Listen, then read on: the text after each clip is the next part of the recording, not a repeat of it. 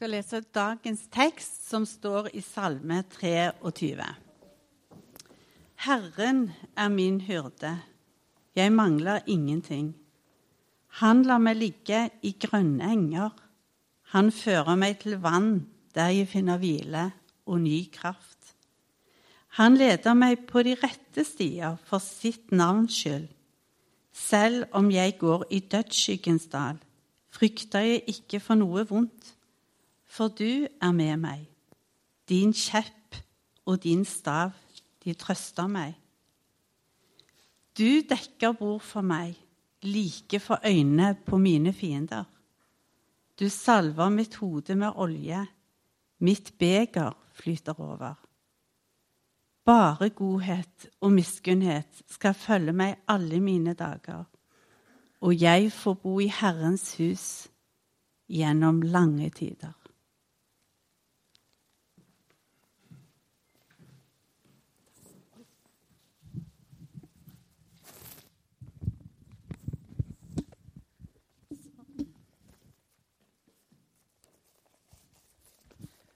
God morgen.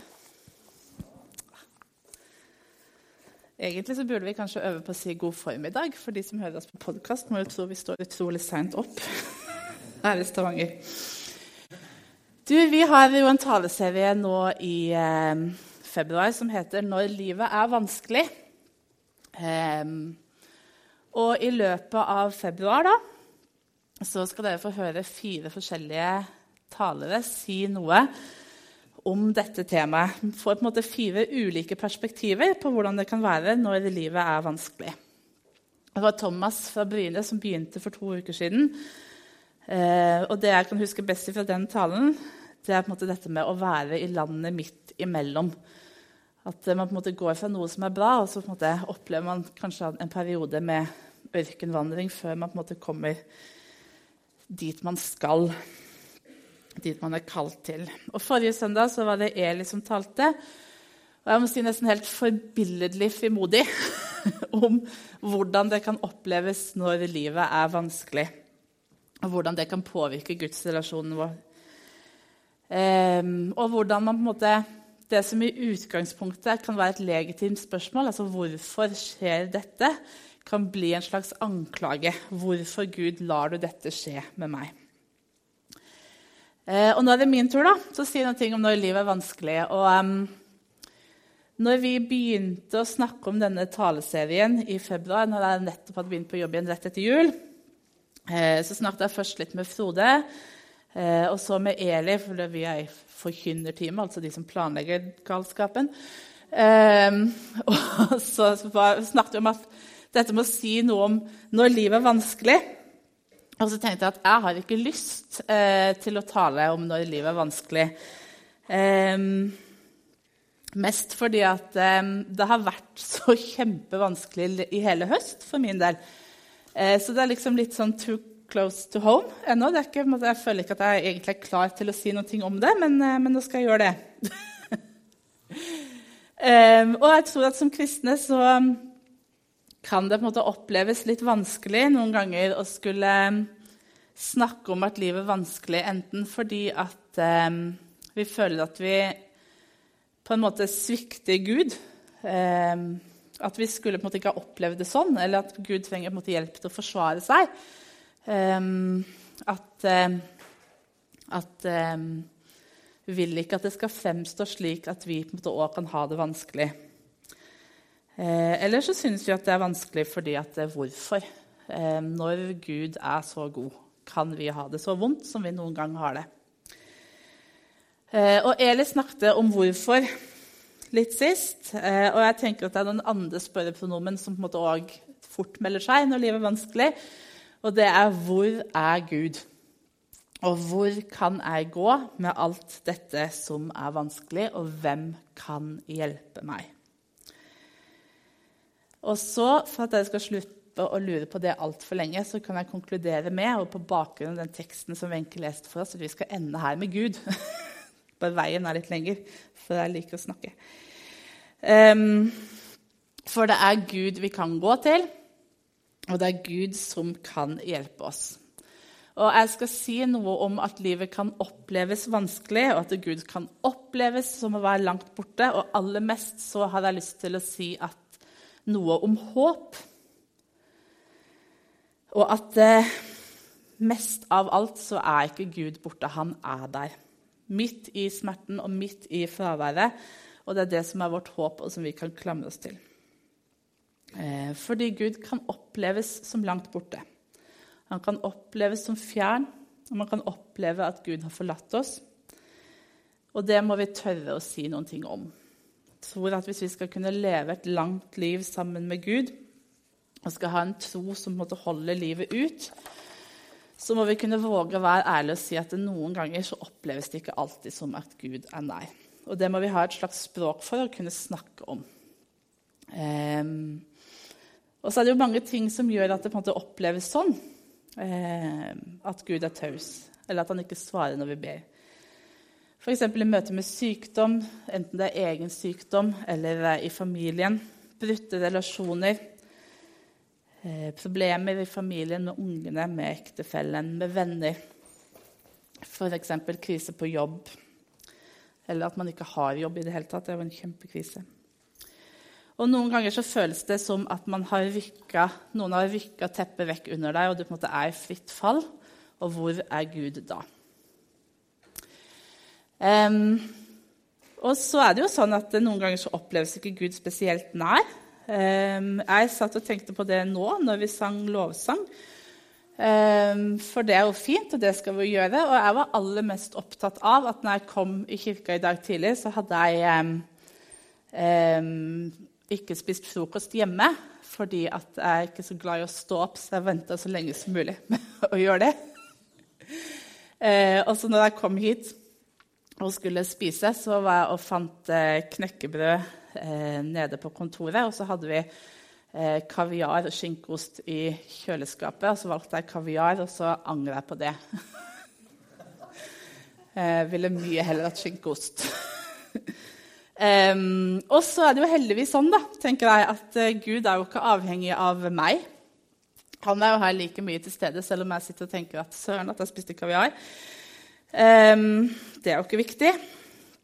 Um, og så kan vi få lov til å holde fast med at Gud er her. Og nær og til stede i livet vårt, uansett på en måte eh, hvordan det oppleves. Um, for det er det jeg har lyst til å si først. At opplevelsen av at Gud er taus, og at Gud er borte, det er nettopp det. Det er en opplevelse. Um, fordi at Og det er en helt ekte og sann og reell opplevelse av Guds fravær, og den skal vi ta på alvor. Eh, du skal våge å si det, at nå opplever jeg ikke at Gud er til stede. Eh, og samtidig som at vi erkjenner at det er sant, så kan vi òg få vite at det absolutt ikke er sant. At Gud er nær. Det har han lovt oss. Eh, Bibelen er full av løfter om at Gud ikke er borte. Han har sagt at han er nær oss, at han er med oss hver dag, at han hører når vi ber, at han svarer når vi ber. Det står i Bibelen at han som har gitt disse løftene, er trofast, og at alle løfter har sitt ja og amen i han. Og det er det vi kan få lov til å holde fast på eh, i møte med motgang og tvil, og når livet er skikkelig vanskelig. Og når Gud oppleves som langt borte, så har Gud samtidig vist oss i en helt konkret hendelse at han er nær. Og jeg tenker Hvis du ser historien som en lang linje, så på ett tidspunkt så er det akkurat som at Gud satte måte, fingeren ned og sa nå har du et bevis på at jeg alltid er til stede, og det er når Jesus dør på korset og står opp igjen. Og etter den dagen eh, så har vi et helt konkret bevis på at Gud alltid er nær, alltid og til alle tider, uansett hvordan det oppleves. Og så tenker jeg at Fordi at Gud har gitt oss alle disse løftene i Bibelen om at han alltid er der, så er det òg fornuftig i møte med hans taushet og hans fravær å gå til han med alt det som er vondt og vanskelig. Fornuftig, men ikke alltid lett. En som jeg, jeg som jeg jobbet med tidligere, hadde en eh, eh, sønn eller Hun fikk sitt første barn når vi jobbet sammen. Og han, han var sånn halvannet. Så vet jeg jo hvordan det er med barn på halvannet år. De gjør jo mye som eh, de ikke alltid har på en måte tenkt gjennom konsekvensene av. F.eks. å prøve å hoppe ned alle trappene i en bevegelse eller løpe rett ut i veien. eller... Um, sånn at Foreldrene til barn som er halvannet år, de på en måte setter jo mye grenser eh, for barna sine for at de ikke skal løpe ut i veien og ikke skal falle i trappene. Um, og når han blei stoppet, så kunne han bli rasende eh, fordi at han på en måte ikke fikk gjøre det sånn som han ville. Og samtidig som han er rasende for det og griner og hyler, så klynger han seg fast rundt halsen til mamma eller pappa som har stoppet han. Fordi at mamma er best også når mamma er vanskelig. Altså Man har ikke noe annet sted å gå. Og jeg tenker at Sånn har mennesket oppført seg, eller på en måte det har vært menneskets relasjon med Gud siden tidenes morgen. Å kaste seg om halsen for å få trøst og for å klage sin nød når livet er vanskelig, til og med i møte med Guds fravær og Guds taushet.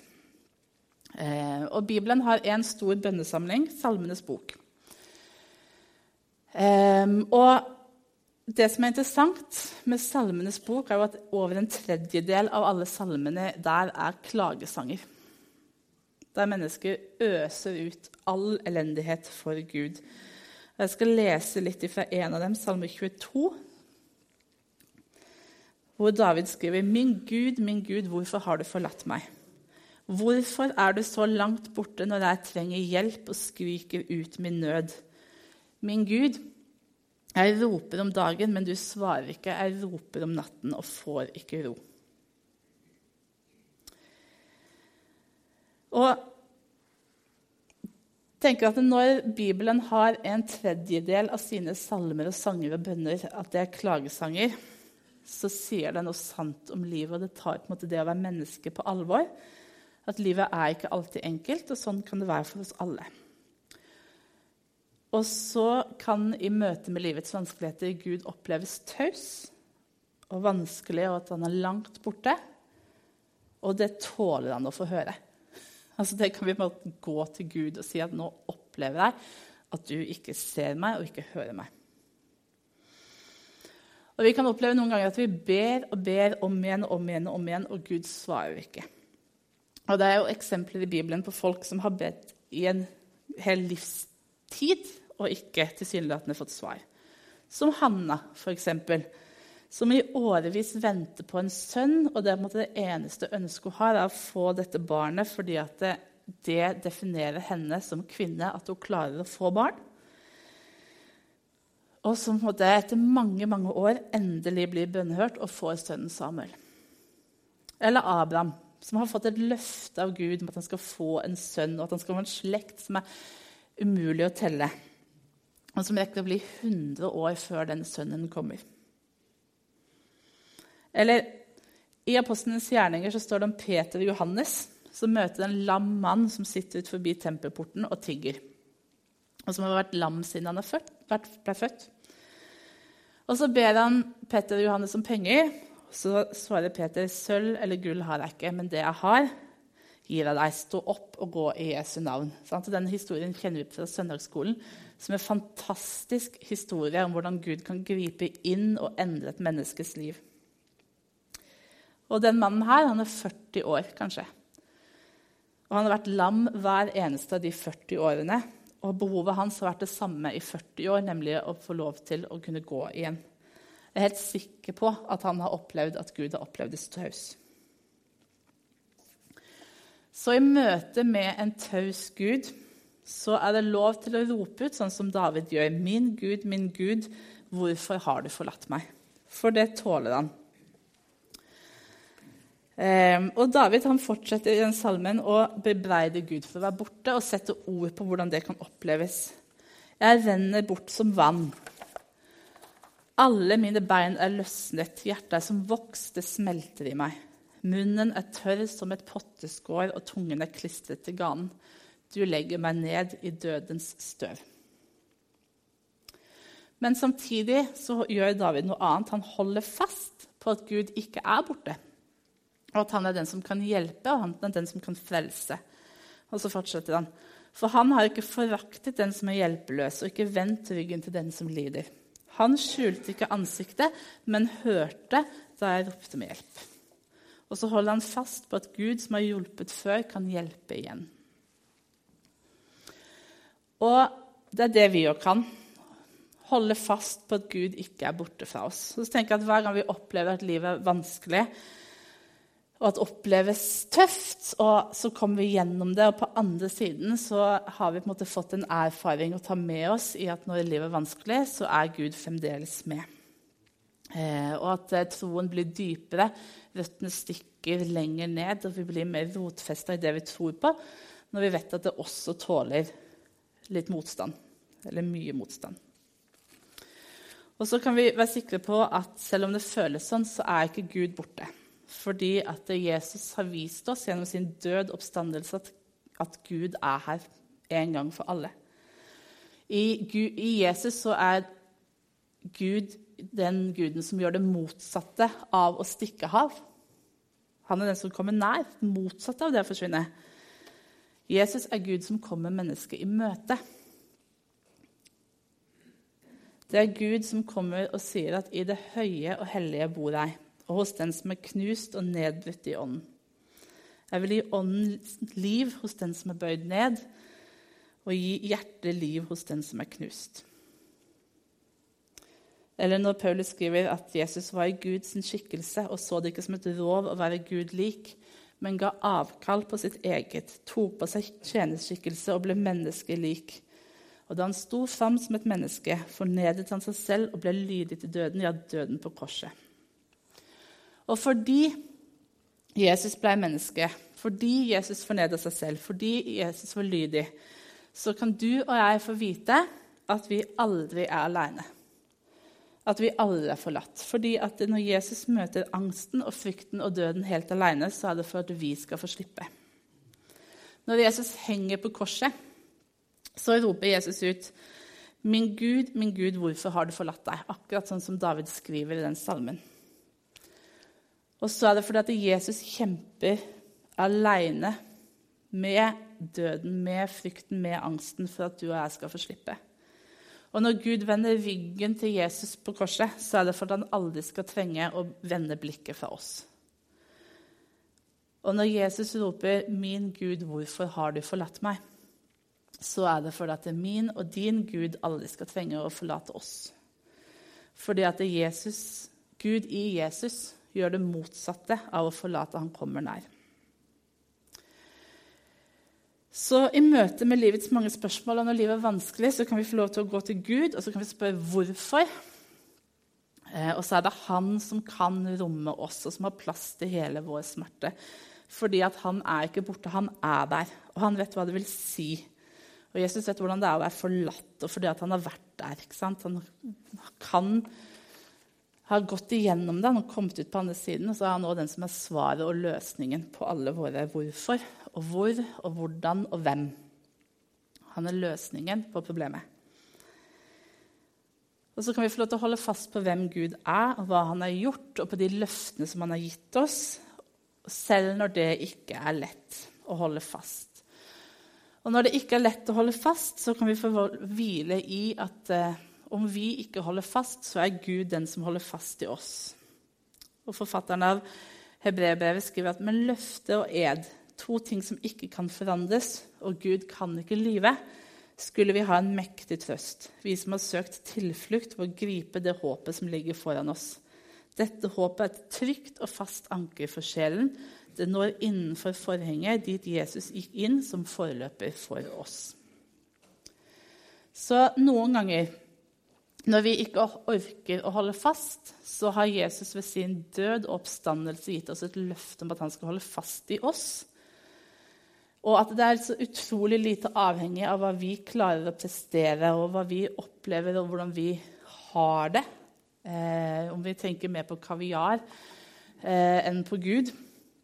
Eh, I høst er litt usikker på når det var, men jeg aner meg at det kanskje var rett før jeg ble sykemeldt. I alle fall så eh, pleier vi på stabsmøtene, eh, som vi har eh, på kontoret, eh, så pleier vi å alltid begynne med, med bønn og med lovsang og, eh, og av og til med, med nattverd.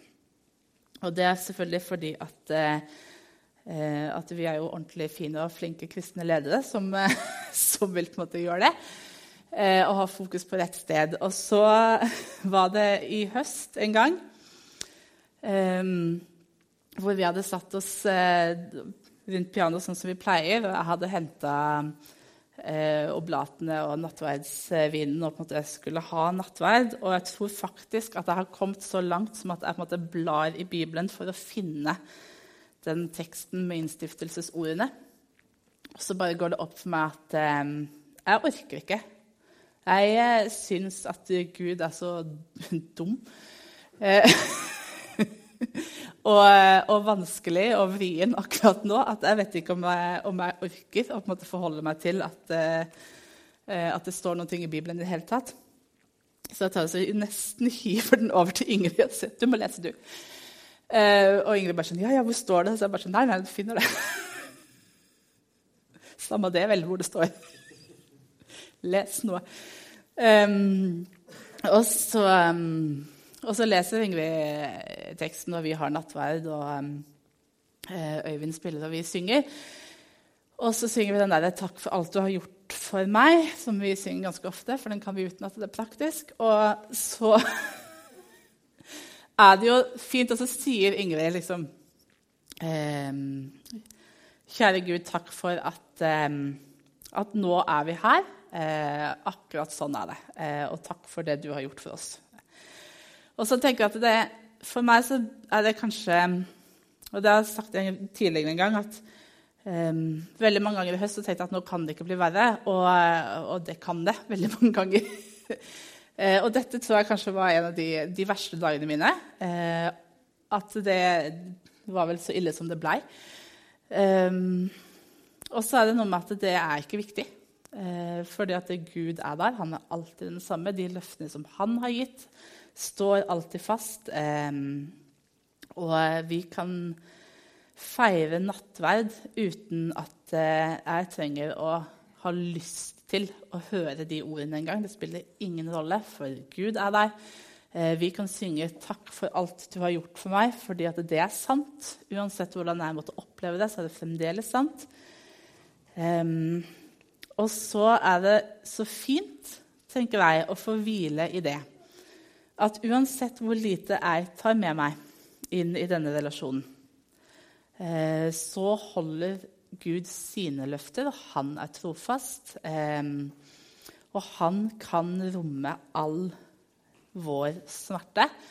Eh, og det er ingenting som endrer seg, selv om jeg har en dårlig dag.